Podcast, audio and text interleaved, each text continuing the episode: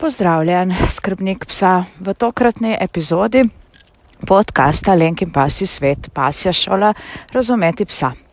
Danes bova namenila nekaj besed pasjemu družabnemu življenju oziroma nasplošno našem psu kot bitju, ki se zelo dobro zaveda pomena nekega ustroja, strukture znotraj neke celice. Ne?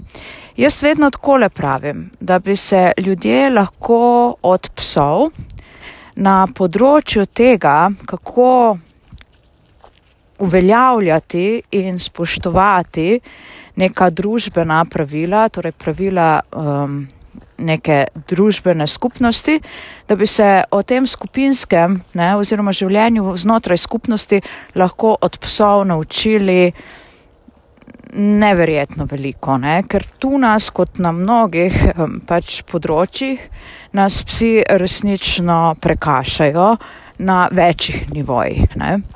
Najprej je popolnoma razumljivo, da je pes res bitje, ki je, potrebuje neko, neko družbo. Ne. To je bitje neke skupnosti. Pes je bitje neke skupnosti. Ne, psi, ki živijo v tesnem sožitju s človekom, imajo to še tako nekako bolj izraženo, to pripadnost neki skupini. Eh, prav tako jo imajo močno izraženo to pripadnost skupini psi, ki živijo v neki skupini psov. Bodi si, da so to recimo, če imate vi v družini večje število kuškov, ne, oni med sabo razvijajo posebne relacije, posebne odnose, eh, pri katerih se navadno čuti tudi vaš vpliv. Ne, če ste vi tisti, ki celotno skupnost vodite, potem se vaš vpliv čuti. Druga drugače se vpliv, se zna ta vpliv pri nekaterih ljudeh precej razvodenet. Ne. Potem recimo tašne skupnosti so psi, ki živijo ulični psi, ki se pač združijo v neko skupino in potem med sabo si postavijo določena pravila ali pa recimo Uh, psi, ki živijo v državah, kjer je še možnost, tega le svobodnega pasjega uh, življenja, ne, tudi oblikujejo svoje skupine in znotraj tega neka pravila ali pa recimo v azilih, če recimo to niso psi, ki živijo strogo v boksih, ampak so tudi v izpustih, tudi oblikujejo takšna neka pravila, prav tako recimo v kakšnih um, varstvenih ustanovah, v smislu počitniškega ali drugačnega varstva, ne, če je način, da so psi kar prosti, tam se tudi med njimi potem mora oblikovati neka skupna skupinska dinamika. Ne. Torej, pes je bitje neke skupine. Ne. In da lahko ta skupina dobro deluje, pač morajo v skupini biti določene vloge. Mora vsak član skupine dejansko nosi neko vlogo.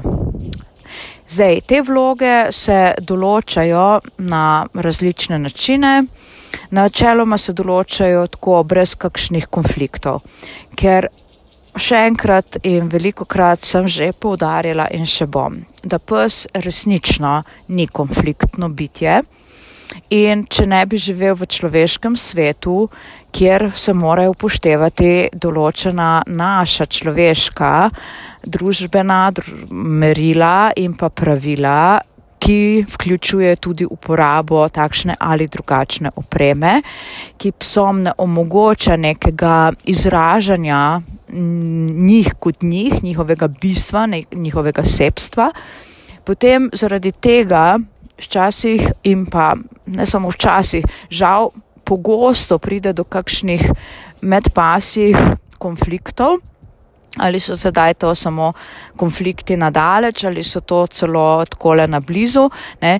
Te konflikte navadno povzroča celotna okoliščina, v kateri izjemno pomembno vlogo igra predvsem človek, torej skrbnik in njegova zmožnost ali nezmožnost pravilnega oblikovanja veden, pravilnega oblikovanja uh, oziroma rokovanja z opremo. Ne. Drugače pa. Dragi moj, pes je res nekonfliktno bitje, kajti konflikti so za psa lahko življensko eh, ogrožajoči, kar pomeni, da če pes vstopi v konflikt, se lahko poškoduje, kar pomeni, da ne bo zmožen preživetja, če bi to bilo neko okolje brez upletanja človeka ne, in ve, da pač lej, boljše se držati stran od konfliktov oziroma jih razrešiti na res minimalno, za minimalno neko fizično, fizičnim poseganjem, spoh takšnim, ki bi povzročajo poškodbo. Kajti, če se v skupini poškoduje samo en član, celotna skupina potem trpi in celotna skupina ne more delovati na optimumu. Ne? In to je recimo že tačno sporočilo, ki bi ga človeški svet lahko nekako um, prevzel, zato ker mi ljudje pozabljamo, da smo vsi um, med seboj, ne glede kje živimo, um, tvorimo neko matrico ne, in to, če se nekaj zgodi, ne vem, v Avstraliji, ne pomeni, da nima učinka na te ali pa na Antarktiki, da nima učinka na te tule v Sloveniji, oziroma to, kar se tu zgodi, da nima učinka na, ne vem, eh, Ameriko, Kanado ali kjerkoli drugje. Ne, ta, ta zavest, ne, te povezanosti in kako recimo koncentrični krogi, ne, um, delujemo drug na drugega, ne, to ima pes močno, močno ozaveščeno, zato resnično uh, skrbi za to, da njegova skupina, njegova uh, družbena eh, celica deluje optimalno, kar pomeni, da se v pasjem svetu dejansko želijo psi izogibati nekim uh, konfliktom, ne? do teh medpasjih konfliktov, do te reaktivnosti, teh rdečih območij, pripeljemo ljudje naše pse. Tako je, ne? zdaj. Mm, tule ne mislim nič slabega, vsakdo od nas je se zavedam ravna po svojim najvišjih sposobnostih tistega trenutka, ne, kar ne pomeni, da ne moremo teh eh, sposobnosti, znanj, učinkovitosti dvigniti še na više nivoje, če iščemo pač informacije oziroma se odpremo za to, da v naše polje zavedanja pride nekaj večjega. Ne. Torej, pes je res bitje skupine in psi si v tej skupini razdelijo vloge in potem, kar je najpomembneje, oni te vloge ne, spoštujejo. In spet beseda spoštovanje. Resnično, če karkoli pri psu, recimo, vse čas zaznavam, ne, je to, da resnično spoštujejo oni spoštujejo, sledijo vsakemu, ki se v njihovih očeh pokaže kot spoštovanja vreden. Ne kot nekdo, ki se ga bojijo. Ne, ne, ne, ne, ne. To ne greva v to stran. Strah, strah je nizka vibracija. Psi so delujejo, živijo na zelo visokih vibracijah. In že iz tega lahko povzameš, da pes sledi tistemu, ki ga on lahko spoštuje, tistemu osebi ali psu, ki se je v njegovih očeh za svojimi dejanji, poudarjam dejanji, pokazal kot nekdo, ki je spoštovanja vreden. Naš pes je nebesedno bitje večino komunikacije poteka preko neverbalne komunikacije, preko gest, preko telesa, preko postavitev v okolju. Medtem ko človek ne, je besedno bitje, mi se zatekamo k besedam. In potem včasih pozabljamo, da morajo iza teh besed stati dejansko dejanja, aktivnost. Ne? In tu na tem področju nastane takšna vrzel, ne? ker če ti psu nekaj govoriš, ga želiš v nekaj prepričati. Tvoje telo, tvoja energija, ti kot tvoje bistvo pa tega ne oddaja v okolje, torej ne oddaja tega nebesednega sporočila psu, potem te pes preprosto ni zmožen, ne zato, ker ne bi želel. Ne, ni te zmožen videti, doživeti in ti slediti kot nekomu, ki je tega vreden.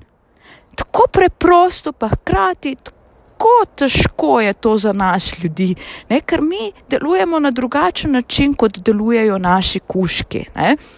Torej, dragi moj skrbnik, torej, zapomni si, pes je družabno bitje, pes rad pripada skupini in pes potrebuje nekoga, želi nekoga, ki bo to skupino čez življenje učinkovito vodil, tako da se bodo vsi v skupini dobro počutili in da bo v skupini vladalo medsebojno spoštovanje ter upoštevanje pravil, ki v skupini veljajo.